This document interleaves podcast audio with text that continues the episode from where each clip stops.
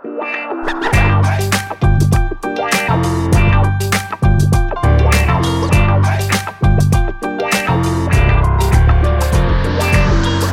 welkom bij een nieuwe aflevering van een podcast over voeding. In deze podcastserie gaan we in op de wetenschap achter voeding en laten we wetenschappers aan het woord over allerlei thema's die met voeding te maken hebben. Bart Mol van I'm a Foodie is er natuurlijk ook weer bij. Hoi Bart.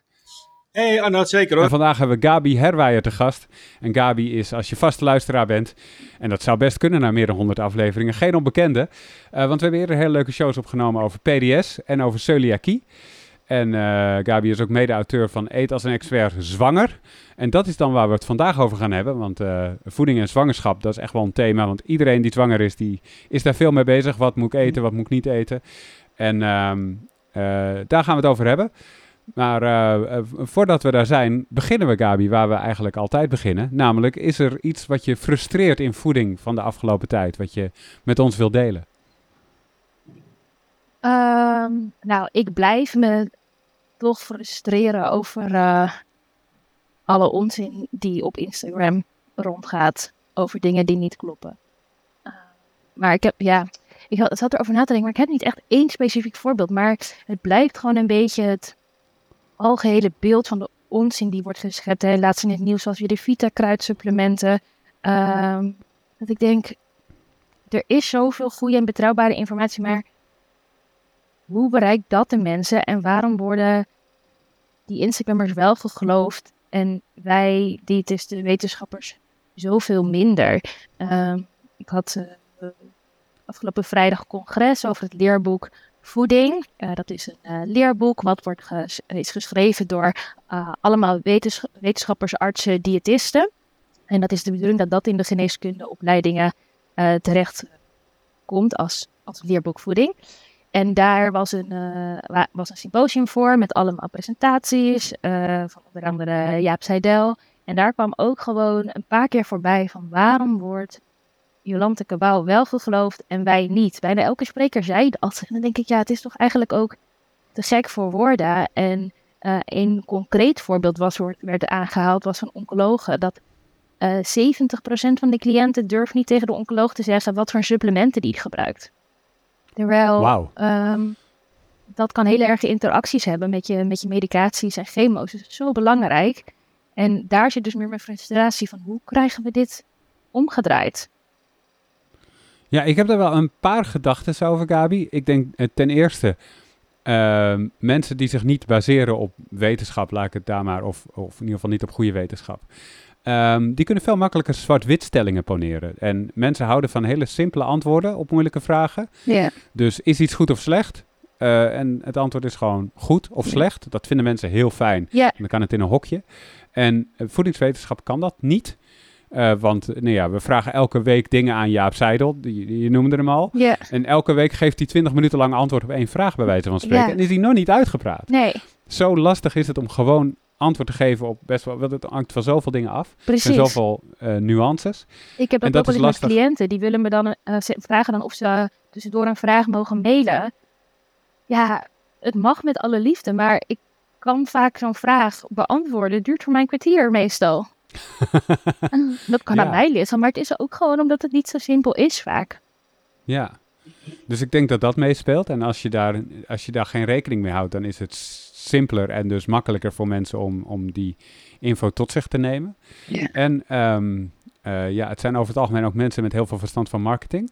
Terwijl wetenschappers dat niet altijd zijn. Ik denk dat dat ook wel scheelt. Ja. Nee, deze, deze antwoorden ken ik uh, uiteraard wel, maar ik frustreert me. Als je vroeg om mijn frustratie, nou, dat is deze. Ja, die vroeg ik. Zeker. Hey, uh, uh, voeding en, en, zwangerschap. Laten we even bij stap 1 beginnen, want het zijn vijf stappen. Ja. Um, en, en, stap 1 is gelijk negatief, maar het is wel belangrijk. Ja. Wat mag je niet ja. als je ja, zwanger mag bent? ik nog een klein beetje introductie geven, Arnoud? Wat? Ja, zoveel je wil. Want we hebben inderdaad twee podcasts al opgenomen, PDS en celiakie. Dat zijn twee van mijn specialisaties en de derde is uh, zwangerschap. Dus we gaan ze zo uh, rustig af. Dus over een halfjaartje meld ik me wel weer voor de volgende. Uh, maar ik heb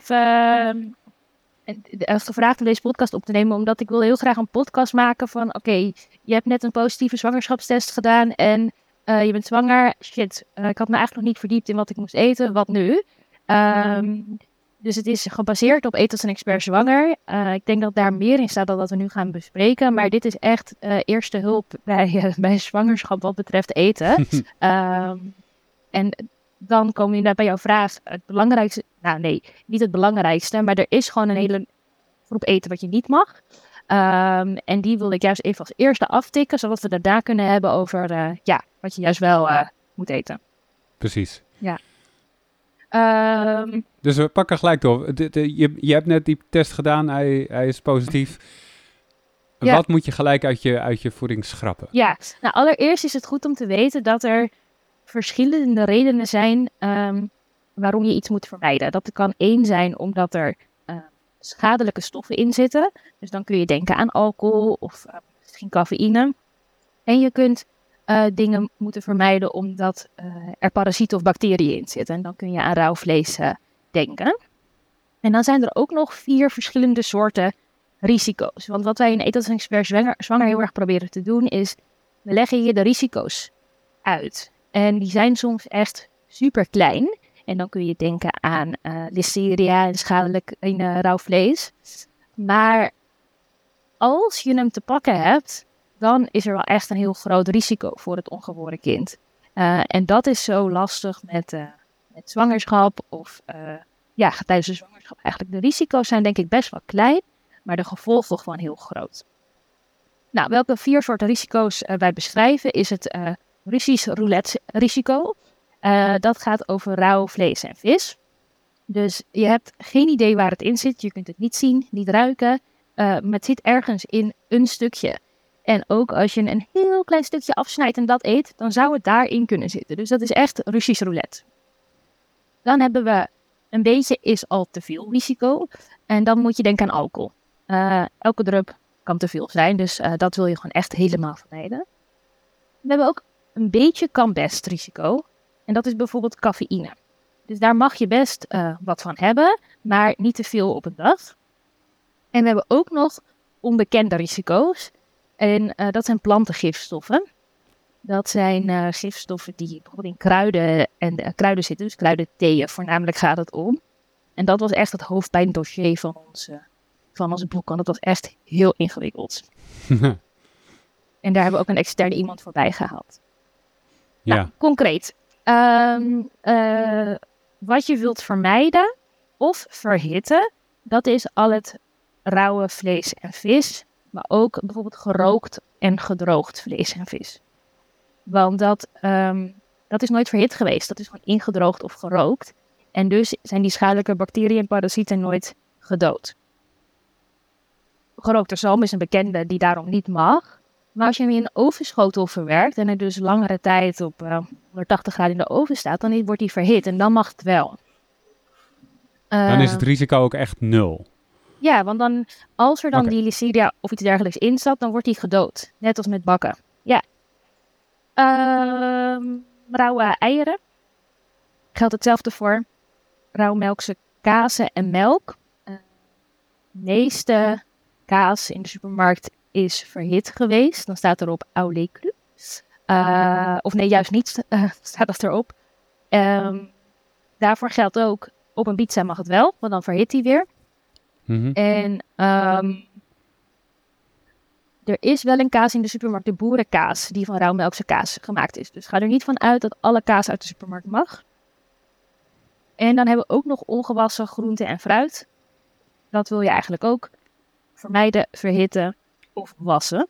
Uh, dan kom je ook al heel eind. Nou, dan hebben we dingen die, uh, die je wil vermijden vanwege de schadelijke stoffen. Dat zijn bijvoorbeeld roofvissen en ook nog wel wat andere vissen, maar daar komen we straks denk ik nog wel op.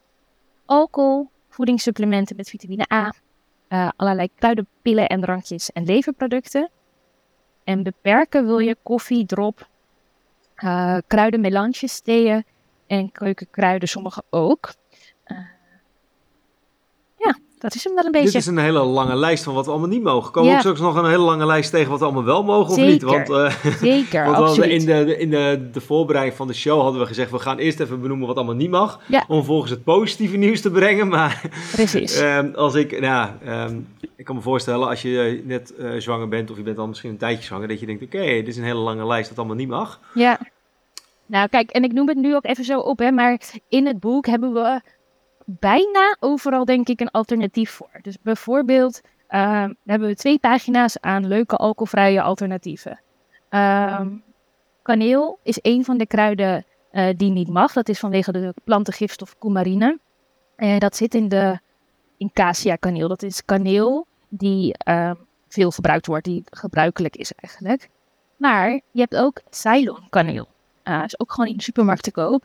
En daar zit die plantengifstof bijvoorbeeld niet in. Dus als je nou heel erg houdt van ja, havermout met kaneel, kun je die kaneel gebruiken. Dus we geven ook voor waar mogelijk een alternatief. En zou bijvoorbeeld ook wel gelden voor bewerkte producten? Stel voor dat je een granola koopt waar kaneel in zit als ja, ingrediënt. Mm. Waar meestal gewoon kaneel op staat in de, op het etiket. Zou, zou, dat ook al ja, uh, kwaad kunnen? Of zou je zeggen, ja, vermijd het waar het kan? Nou, um, als je dit nu luistert en denkt, shit, ik heb een misschien gegeten waar kaneel in zit. Schiet niet in de stress. Ik zou het niet aanraden om negen maanden lang elke dag als ontbijt te gebruiken. Dan zou ik toch echt wel eventjes voor een ander ontbijtje kiezen. En datzelfde geldt bijvoorbeeld ook voor appeltaarten. Het schijnt dat er best wel vaak naar een verloskundige wordt gebeld. Shit, ik heb appeltaart gegeten. Um, wat moet ik nu? Nou, die enkele keer zo'n product met uh, kaneel is echt niet erg. Maar je wilt niet zo'n muesli op dagelijkse basis gaan eten, zou ik zeggen. hey, en um, je, je zegt de hele tijd dat mag niet. Mhm. Maar uh, leer maar mensen kennen. Op het moment dat je dat zegt tegen mensen, dan gaan ze stijgeren. Yeah. Um, mag het echt niet? Of zit er ergens toch nog een gaatje van... Oké, als, je, als je af en toe iets wil van de lijst die niet mag... Uh, dan is dat eigenlijk wel oké, omdat je dan het risico zo erg al hebt beperkt dat dit, nou ja, wel zou kunnen. Als je er echt heel blij van wordt. Ja, ik denk dat dat heel erg afhangt van die, die vier verschillende de risico's. Uh, weet je, een onbekend risico zoals die plantengifstoffen is gewoon een beetje... voelt gewoon een beetje gek om dat zo streng te vermijden. Want het zou best kunnen dat we er over vijf jaar achter komen dat het allemaal wel meeviel. Het zou ook kunnen mhm. zijn dat we er over vijf jaar achter komen. Shit, dit moeten we veel strenger vermijden. Um, maar goed, dat weten we nu nog niet zo heel goed. En dat was vroeger natuurlijk ook met alcohol. Toen werd dat ook wel gedronken tijdens de zwangerschap heel lang geleden. Maar nu wordt het ook nog af en toe wel gedaan, maar toen mocht dat, een glaasje. Um, toen wisten we ook nog niet. En nu zien we hoe groot die risico's zijn. En nu wordt het dus helemaal vermeden. En dat kan met plantengifstoffen voor mijn gevoel een beetje twee kanten op gaan. Of uh, van, oh, dit hebben we een beetje overdreven, maak je geen zorgen. Of shit, we weten nu meer, gaat echt vermijden. En dat maakt het gewoon zo lastig. Um, maar we proberen dit in het boek dus echt gewoon ja, uit te zetten. En dat iedereen zijn eigen uh, keuze daarin kan maken. En dat geldt hetzelfde voor listeria. Ik geloof dat de kans dat je dat krijgt 0,004% is. Ja, super klein. Maar uh, we hebben ook een lijstje van wat er is gebeurd met de vrouwen die dat hadden. En ja, dat gaat van miskraam tot doodgeboorte. Dus uh, dat is gewoon zo lastig daaraan. Ja, is het ook. Nou, ik denk dat we nu dit lijstje van wat niet mag eventjes kunnen afsluiten. Want ja, het is zeker. heel belangrijk om te weten wat je dan het beste wel kan doen. En uh, waar je wel van kan genieten. Ja. Um, dus laten we naar stap 2 gaan. Gezond eten. Ja. Uh, nou, we hadden dit boek uh, helemaal gemaakt. En um, ja, het ging eigenlijk om al deze details van de zwangerschap. En hier staat niet per se een eetpatroon in van zo moet je eten. Want dat is eigenlijk Eet als een expert, ons eerste boek. Het is gewoon heel belangrijk om een gezond eetpatroon na te streven uh, tijdens de zwangerschap en um, ook ja, de, tot twee jaar voor je kind zelf ook. En dat zijn de eerste duizend dagen, daar wordt steeds meer over bekend. Uh, uh, dokter Tessa Rozenboom uh, doet daar heel veel over. Je hebt toevallig afgelopen vrijdag op het symposium ook weer horen spreken. En de voorbeelden die zij aanhaalt zijn echt indrukwekkend. Um, uh, bijvoorbeeld, ja, dat is dan dieronderzoek hoor, maar muizen waarbij de ene groep tijdens de zwangerschap ondervoed was of heel laag in eiwit was en de andere heel goed gevoed. Hoe dat nog twee generaties doorwerkt op een kortere levensduur. Uh, generaties? Ja, ja, ja. Dus je had die zwangere muizen. En zeg ik dat nou goed? En die, kreeg, die, die kinderen die kregen de ene groep kreeg gewoon goed te eten en de andere slecht te eten. En, en dan die levensduur van die, sorry, één generatie, die was echt zoveel korter. Oh, ja. wauw. Ik overdreef net. ja, dus je had twee groepen muizen. Eentje was ondervoedbaar eiwit, ik geloof 8 energieprocent. En de andere gevoed, goed gevoed, 20 energieprocent eiwit. Um, die kregen dus baby's. En allebei die groepen die werden weer gesplitst. Waarbij de een weer um, uh, gewoon gezond muizenvoedsel kreeg. En de andere fastfoodachtig muizen eten. En dan zag je dus dat uh, de muis met het fastfoodachtige uh, korter leefde. Maar tussen die twee groepen van de zwangere moeder was er ook een heel groot verschil. Uh, dat die muizen korter leefden. Dus nou, dat is één van haar voorbeelden. Maar zij heeft echt zoveel van dit soort voorbeelden. Hoe belangrijk die zwangerschap uh, is. En ook wel heftig of zo. Want dat betekent dus dat wat je ouders deden, wat je moeder specifiek at, dat dat invloed heeft op jou als dit te extrapoleren is naar mensen, wat natuurlijk niet automatisch zo is. Maar, yeah. Ja. Nou ja, waar Tessa Rooseboom bekend om is geworden, onder andere is het hongerwinteronderzoek. Um, de baby's die in de buik zaten tijdens de hongerwinter aan het eind van de oorlog, uh, die gegevens zijn heel goed bewaard gebleven. Um, en daarin zien we, dat is nu ook een wat oudere generatie, en daarin zien we dus, um, ik ken het hele rijtje niet precies uit mijn hoofd, maar meer westerse chronische ziektes uh, voorkomen. Dus uh, dat is natuurlijk Nou, wel echt ik- een extreme situatie hoor. Maar ja, Ja, nou, we, we, we hebben in, eh, wat is het, show 20 volgens mij, of 25 ergens, hebben we daar eh, ook al een keer een show opgenomen met eh, Tessa inderdaad, Ja. over, de hon- over de hongerwinter. Dus mocht je dit eh, horen als luisteraar, eh, ik zal even de show notes erbij zetten. Dat is wel een eh, interessante show eh, Ja. daarover. Maar gezond maar- eten is dus belangrijk Ja. voor, voor jezelf en voor het kind. v- ja om, om tientallen jaren nog. zwangerschapscomplicaties te voorkomen. En om eh, ja, je kind een gezonde start, maar ook gezond te laten ouder worden. Dat is gewoon heel belangrijk. Dus hè, wat er dus heel vaak gebeurt bij de zwangerschap, waar wij net ook mee begonnen, is wat er allemaal niet mag. Maar dus ook heel belangrijk dat jouw voeding volwaardig is. En dan heb ik het gewoon heel simpel over genoeg groente, genoeg fruit, volkoren granen, noten. Ehm, weet je, eh, nog best wel ruim zuivel, gaan we het zo nog over hebben. Misschien vlees, vis of een vegetarische vervanging. Ehm, of, ja, brood met jodium ook belangrijk. Dus die Maar is basis is, dat heel als, belangrijk. jij, als, ja, als jij zegt genoeg fruit en groente, hè, moet ik dan, dan denk ik gelijk aan twee stuks fruit en eh 200 gram groente. Ja. Dat wordt je dan eigenlijk eh, gewoon eh, wordt geadviseerd door het voedingscentrum. Maar zijn die, die voorwaarden anders als je zwanger bent? Moet je dan drie stuks fruit nemen omdat je een klein in de buik hebt en nog meer groente? Of... Nou, je hebt, ehm, en dan gaan we eigenlijk al een beetje langzaam naar stap 3, de voedingsstoffen. Je hebt van alle voedingsstoffen ehm, iets meer nodig tijdens de zwangerschap. Maar je darmen gaan iets efficiënter opnemen tijdens de zwangerschap. Dus dat is een heel mooi systeem van je lichaam. En het idee is dat je inderdaad ietsjes meer calorieën nodig hebt. En als je dat dan doet met wat extra, dan weer een ene dag een extra stuk fruit, de andere dag een extra kommetje yoghurt. Als je dat op die manier oplost, die extra calorieën, krijg je ook weer wat meer voedingsstoffen binnen. Dus er is niet zoiets van, je moet tijdens de zwangerschap drie stuk fruit. Maar wel hetgene wat je meer honger hebt, hetgene wat je meer nodig hebt, dat je dat invult met die gezonde keuzes. Ja, Bart? ja, ja, nou, ik was even aan het denken, het klinkt een beetje als een open deur, maar ik kan me voorstellen dat eh, waarin die cyclus eh, van die negen maanden kan de vrouw dan de meest hongergevoel krijgen? Is dat zeg maar in de eerste drie maanden, omdat dan alles wordt aangelegd en gaat groeien? Of is dat juist aan het einde van, een, ja, van het eh, tweede trimester bijvoorbeeld, omdat dan alles klaar is en dan is het gewoon een kwestie van eh, groeien, groeien, groeien? Nou, in de theorie heb je in dat laatste trimester de meeste calorieën extra nodig, maar beweeg je ook het minste. Ehm, dus dat heft elkaar vaak een beetje op.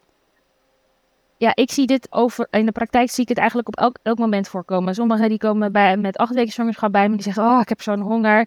Eh, bij de anderen begint dat eind tweede trimester. Het kan ook te maken hebben met groeispurtjes van de baby, eh, dat je dan meer honger ervaart. En mijn advies is dan altijd om bij honger dat dus op te vullen met extra basisvoeding.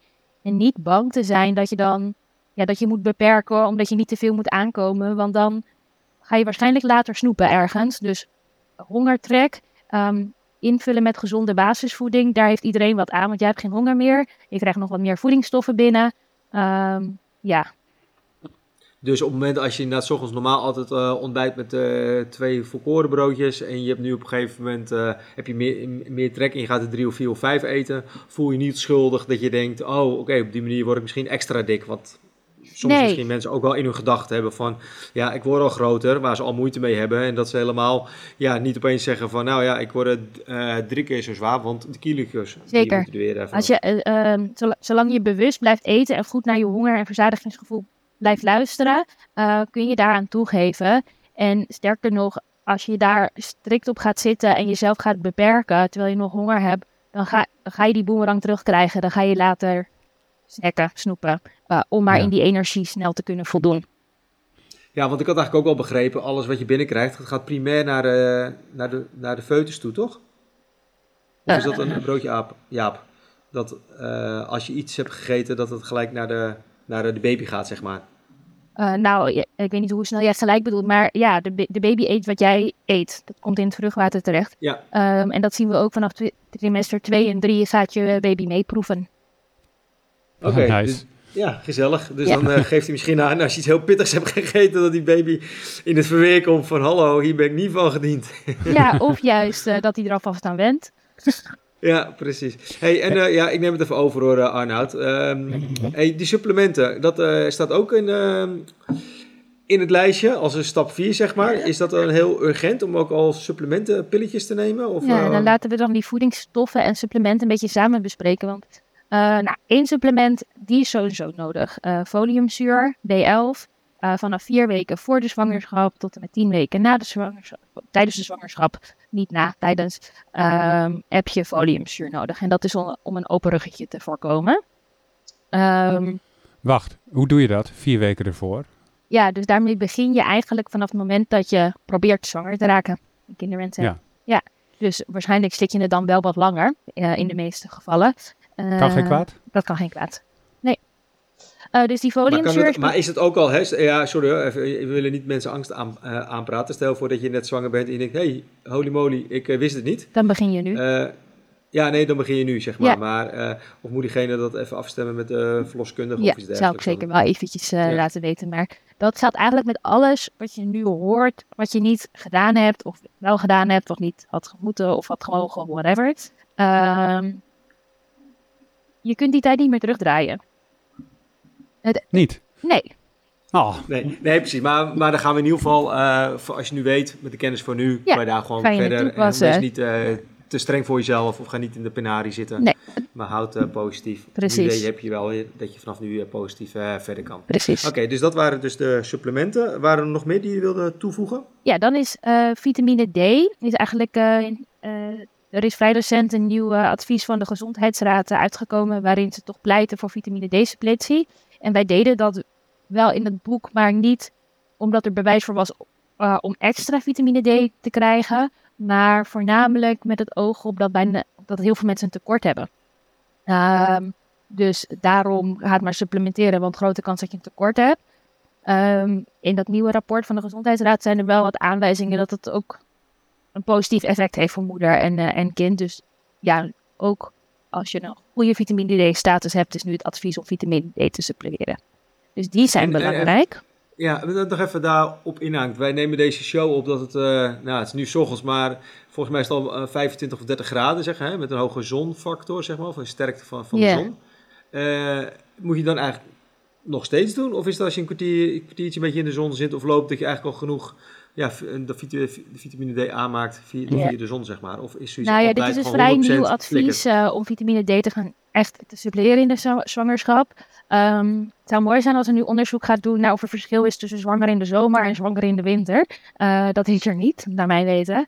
Eh, dus ik zou het gewoon lekker altijd doen. En ja, ik zou ook niet met je als zwangerschap, eh, als je zwanger bent, aanraden om heel veel in de zon te gaan zitten om eh, pigmentplekken te voorkomen. Dus je, als het goed is, bescherm je jezelf goed, zit je in de schaduw. Dus dan valt het misschien ook wel weer mee met die vitamine D aanmaak. Dus ik zou het als eh, supplement nemen. Oké.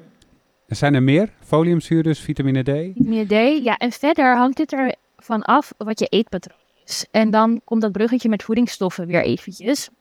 Ehm, je hebt van ehm, een paar voedingsstoffen echt wel, die zijn gewoon heel belangrijk tijdens de zwangerschap. En dat is bijvoorbeeld calcium. Uh, calcium zit uh, onder andere in zuivel, ook wel wat in groene groenten en noten, maar het best opneembare in, uh, in zuivel. Om aan de calciumbehoefte te voldoen in de zwangerschap heb je echt wel richting de vier porties zuivel per dag nodig. En dan is een portie 150 milliliter. In de praktijk zijn porties meestal wel iets groter. Um, dus 4 keer 150 milliliter calcium heb je nodig per dag. Dat is best wel flink. Ja. Want daarnaast is jodium ook heel belangrijk. En jodium zit dan weer in, in brood. Dat wordt toegevoegd aan middel van bakkerszout. Dus dan ga je ook richting de 5, 6 sneetjes. Dus 4 porties zuivel en 5 tot 6 sneetjes brood. Nou, dat is best pittig. Dan moet je trek hebben. Juist, precies. Um, nou krijg je deze twee voedingsstoffen ook wel uit allerlei andere voedingsmiddelen binnen. Dus als je het allemaal net niet redt, red je het misschien toch wel doordat het uh, elkaar versterkt. Uh, dus wat je zou kunnen doen om te kijken van red ik dit eigenlijk wel, is bijvoorbeeld de eetmeter invullen. Dat is een app, computerprogramma van het voedingscentrum. En dan kun je eens nou, drie, vier dagen zal misschien al heel veel inzicht geven. Je mag het ook langer doen. Kijken van red ik al die voedingsstoffen wel als ik gevarieerd eet? Krijg ik dan alle, van alles genoeg binnen? En dan hoeft het echt niet allemaal op groen te staan. Het mag ook oranje zijn. Uh, want je hoeft het niet allemaal elke dag perfect binnen te krijgen. Maar ja, uh, rood, dus dat je echt onvoldoende binnenkrijgt, wil je liever voorkomen. Ja, krijg je iets van uh, structureel tekort binnen, dan kun je twee dingen gaan doen. Of je gaat zelf of met een diëtist kijken, hey, hoe kan ik dit binnen mijn patroon um, ruimer binnen gaan krijgen? Of je gaat een supplement nemen. Dat mag ook. Um, die keuze is, is aan jou. Of, ja, wil je iets in je eetpatroon veranderen, daarvoor gaat dat lukken. En als het niet lukt, kun je het suppleren. Ja. En hoe zit het eigenlijk met uh, de visvet, uh, vetzuren, zoals een omega 3, ja. 6, 9? Ja. Zijn daar nog dingen die je wel moet ja. of niet moet? Nou, vis is ingewikkeld, hè? want uh, we raden zeker aan om vis te eten vanwege de visvetzuren. Maar hij mag niet rauw zijn en het mag ook geen roofvis zijn. Of een andere vis waar veel ja, dioxines en kwik in kunnen zitten. Ja, wat blijft er dan over? Nou, heel praktisch. Dat is zalm, forel en haring. En als je die drie negen maanden lang twee keer per week eet, hoef je niks te suppleren. Um, eet je het minder, wat waarschijnlijk in de meeste gevallen zo zal zijn, dan raden we mhm. een, eh, een DHA-supplement uh, aan om in die visvetzuren te voorzien. En dat is belang, vooral uh, onder andere belangrijk voor de hersenontwikkeling van de baby, maar ook voor het voorkomen van vroeggeboorte bijvoorbeeld. Yes. En dan hebben we alle supplementen gehad? Of uh, zijn er... Nou, ijzer is ook nog wel een belangrijke, maar dat is een beetje hetzelfde verhaal als, als calcium en jodium. Zit het ruim in je voeding, dan niks aan de hand. En anders zou je het uh, kunnen overwegen om te suppleren. Uh, ga niet per se middeltjes als Floradix gebruiken, want er zit echt heel veel suiker in. Uh, dat is de, niet nodig. Maar als, uh, als luisteraar en je hoort dit en je denkt, hé, hey, ik wil je eigenlijk wel een update over hebben. Wat kunnen ze dan het beste doen? Moeten ze dan naar een verloskundige om dit te bespreken? Of, of kunnen ze eigenlijk ook gewoon naar een diëtist uh, om dit door te nemen? Ja, nou, je, je kunt uh, meer, eigenlijk met voeding, met tekorten kun je op twee manieren kijken. Je kunt je bloed laten bepalen, om te kijken van, is er nu volgens mijn bloedwaardes een tekort? Of je kunt je voeding laten berekenen of zelf berekenen. Dus er zijn eigenlijk twee manieren om daar naar te kijken. Um, en die komen niet altijd overeen. Als wij uh, ijzer in rood rekenen, zeg maar, omdat je dat te weinig eet, hoeft het niet per se te betekenen dat je een tekort hebt. Um, dus ja, je kunt uh, sowieso de, de verloskundige prikt op ijzer.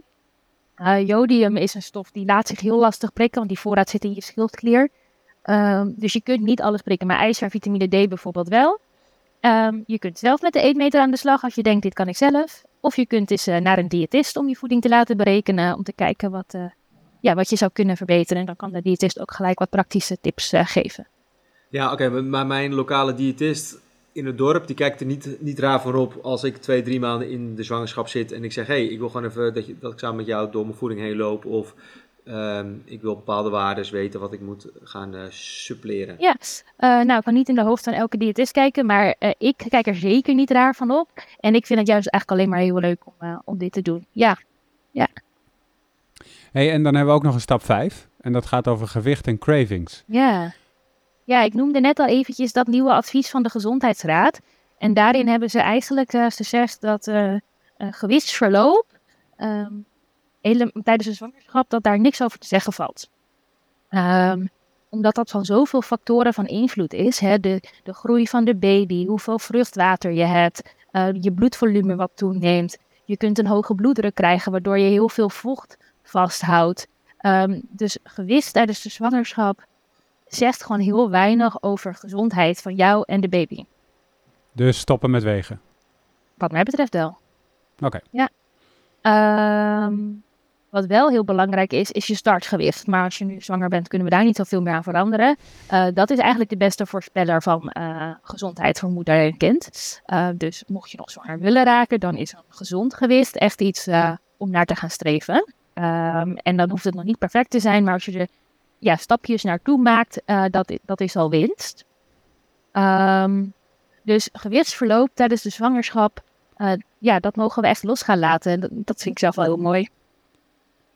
Ja, inderdaad. Dat zal ook een stukje rust geven. En cravings, wat wou je daarover uh, over kwijt? Want dat is natuurlijk het is een heel bekend fenomeen. Voor, ja, nou voor wat iedereen, leuk is, is dat er echt wel wat uh, onderzoek is. Is dat, dat cravings soms gerelateerd zijn aan uh, tekorten. En dat zie ik in de praktijk ook wel eens bij vegetarische zwangeren die opeens een craving krijgen naar rood vlees. En dan vaak ook een ijzertekort hebben. Dus het, het is wel echt iets van het lichaam ehm, ja, wat laat zien van, oh, ik heb dit echt nu nodig. En nou heb je snoep niet per se nodig.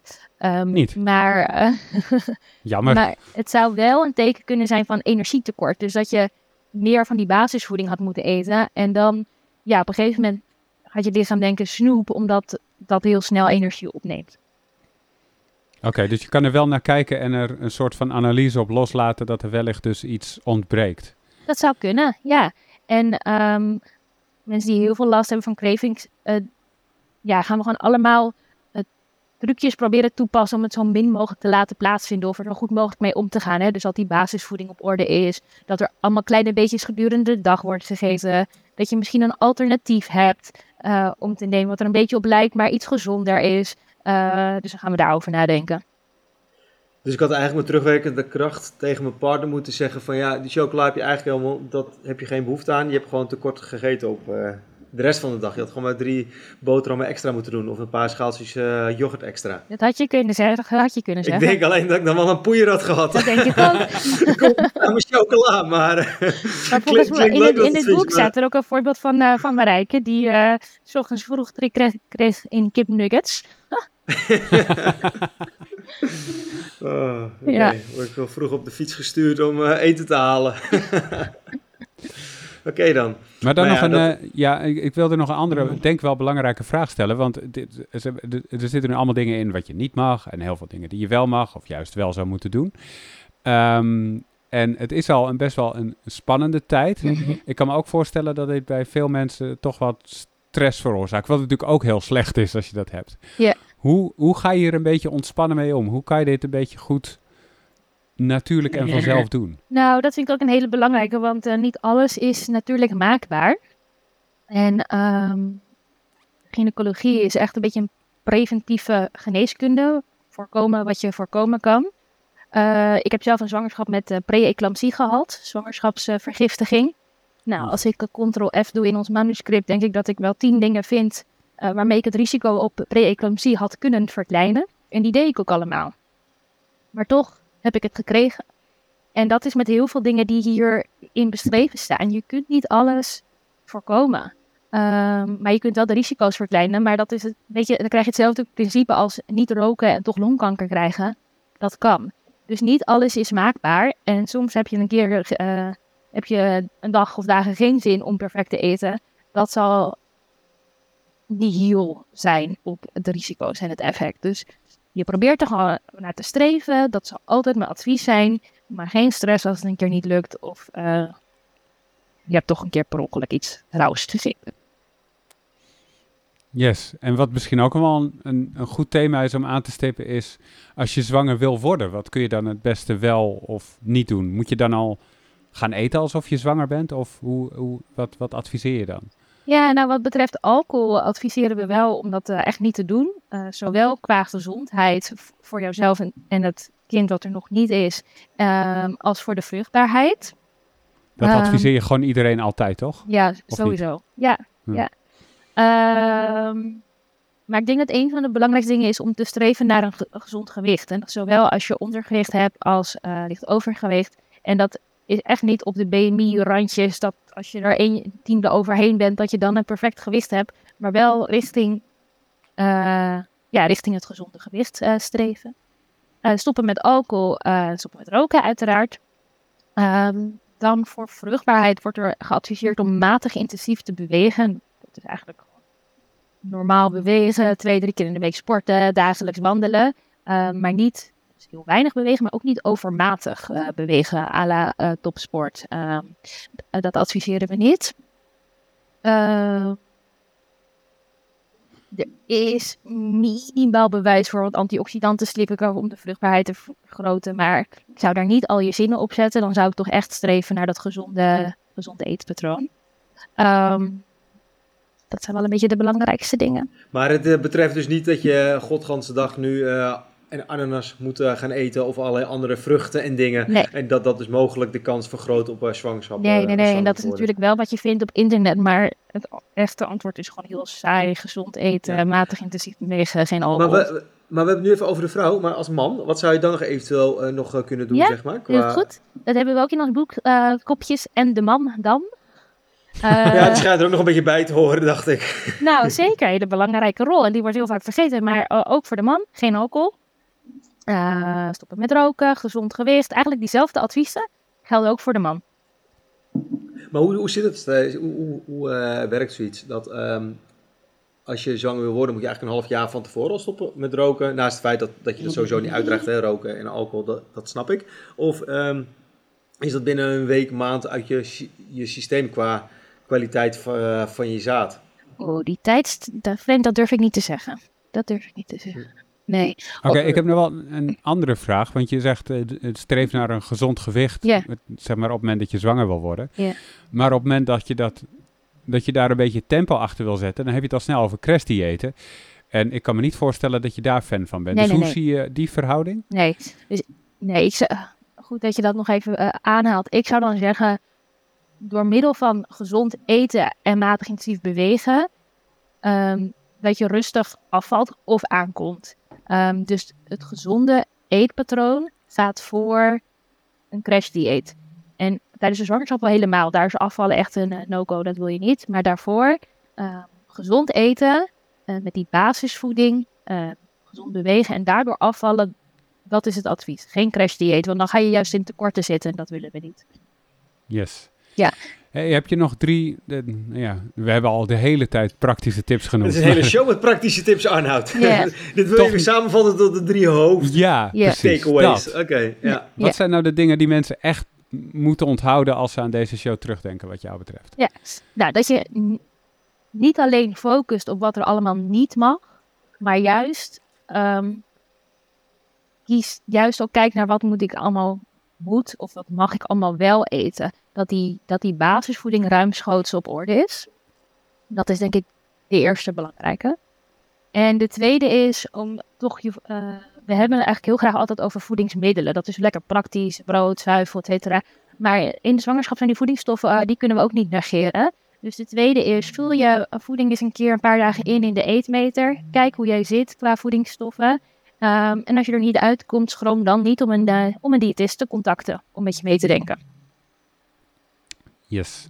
En ja, de, nog een derde, hè? de derde Ja, ja, is, zeker. eh, ja, relax. En eh, geniet ook van de zwangerschap. En eh, streef niet elke dag naar perfectie, want dat, eh, dat is helemaal nergens voor nodig.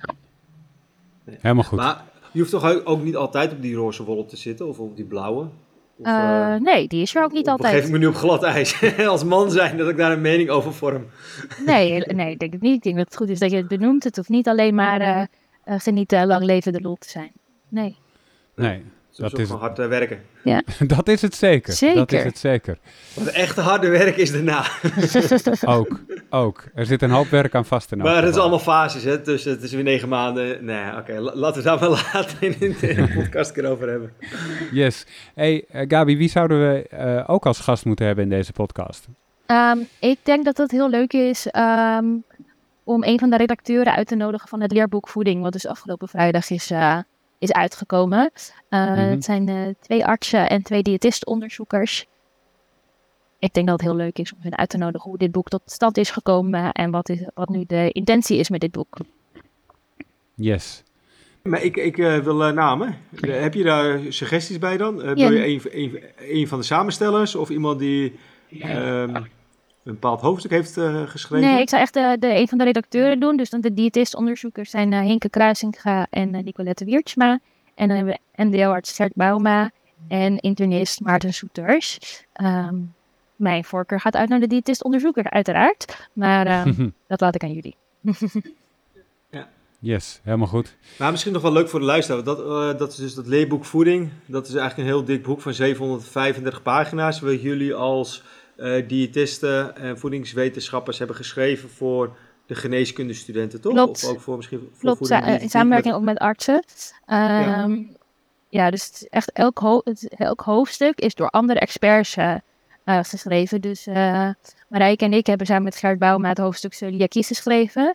Uh, maar zo heeft elk hoofdstuk zijn eigen specialisten die dat hoofdstuk hebben geschreven. Het is echt een heel mooi informatief boek.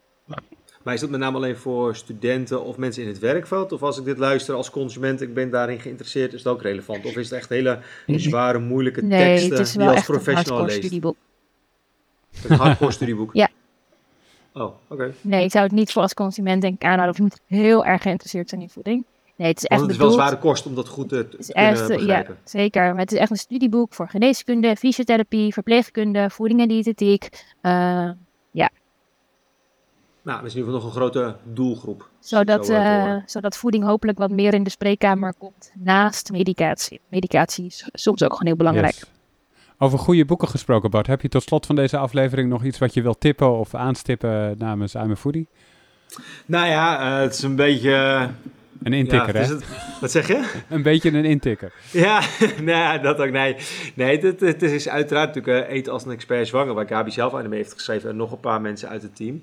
Uh, ja, dat gaat dus echt over uh, zwanger worden en tijdens de zwangerschap. Dat is heel relevant. Maar ik denk eigenlijk eerlijk gezegd dat ook, ook al uh, eten als een expert, dat dat ook gewoon heel relevant Zeker. is. Gewoon, Zeker. Van uh, de basisvoeding. Ja, Ja. daar Gabi natuurlijk veel, nog, veel, nog veel meer over. Maar ik denk dat dat twee hele relevante titels zijn. En trouwens, eten als een expert mini. Op het moment is de kleine geboren. Dan heb je weer de eerste fase van geboorte en de eerste twee jaar. Omdat, ja, ook uit persoonlijke ervaring, heb je dan gaat het zo onwijs snel, want het wordt geboren en je hebt borstvoeding of je kiest wellicht voor uh, kunstvoeding. En dan is die kleine hummel een maand of drie, vier. En dan kan hij bijna rollen of zitten. En dan begin je eigenlijk al met, met vaste voeding in de zin van oefenhapjes en dergelijke, weet je wel. Nou, dan heb je dat bijna. Dan gaan we beginnen met ei en noten en, ja, en, en dat soort werk. Anyway, bij twee, dan kunnen ze gewoon volwaardig mee eten. Ja. Wat best wel fascinerend is natuurlijk. Ja. Na twee heb ik uit persoonlijke ervaring, dan stoppen Eten ze met eten. Dan mee, hè? Stoppen ze hebben ze het moeilijk met eten. Dan zit je weer tussen twee en zes. Overigens, mijn, uh, onze oudste, die is zes, die heeft dat echt moeilijk met eten gehad, echt jarenlang. En er komt nu opeens een kentering in dat hij denkt, hey, ik ga niet dood. Als ik gewoon fijn. groente eet en dingen. Dus dat is heel Mooi. fijn. En dan gaat hij tegen opa en zeggen, nee hoor, ik ben een wijze fan van uh, zalm. Nou, dan heeft hij echt serieus net een dag ervoor heeft hij voor het eerst keer in zijn leven, ja, in ieder geval zalm gegeten. We hebben al tegen keer aangeboden, maar dan laat hij het gewoon links liggen. En nu doet hij net uh, voorkomen, nee, zalm vind ik heerlijk en broccoli. En nou, zo gaat het door. Maar in ieder geval, mocht je dit horen en jij hebt het ook, in ieder geval, het is, uh, er is licht aan het einde van de tunnel. Dus dat is heerlijk. Het gaat Dat je- Ja, het gaat over, alles heeft bepaalde fases. Heel Maar, mooi. dat- En ehm, ik wil ook nog eh, eh, zeggen dat, eh, ken je nou iemand, of ben je, ken je iemand die met zwangerschap bezig is of net zwanger is, dan kun je deze show natuurlijk doorsturen. is een goede introductie tot de, de- goede info over, over, over dit soort dingen. Zoals Gabi in het begin al zei, het is heel frustrerend als iemand de verkeerde info binnenkrijgt en daardoor eh, verkeerde keuzes maakt. Dus eh, dat kan iedereen helpen. Ik wil ook nog even zeggen, eh, als je dit luistert en je denkt, dit is leuk, geef ons sterretjes in je podcast app, laat een recensie achter. Helpt anderen ook om ons te vinden, anderen die je niet kent. Vriendvandeshow.nl slash POV als je ons financieel wil steunen. Dan kunnen we dit soort shows nog heel lang blijven maken en dat willen we heel graag. Dus we hopen dat we zoveel mogelijk vrienden krijgen om dat te kunnen doen. Rest mij om jullie te bedanken. Dankjewel Hey, Bart. Ja, zeker. Dat was me waar genoeg. Dankjewel Gabi. Hey, graag gedaan. Jullie bedankt dat ik hier mocht zijn. Yes, j- jij bedankt voor het luisteren en tot de volgende keer. Yes, Yes. later.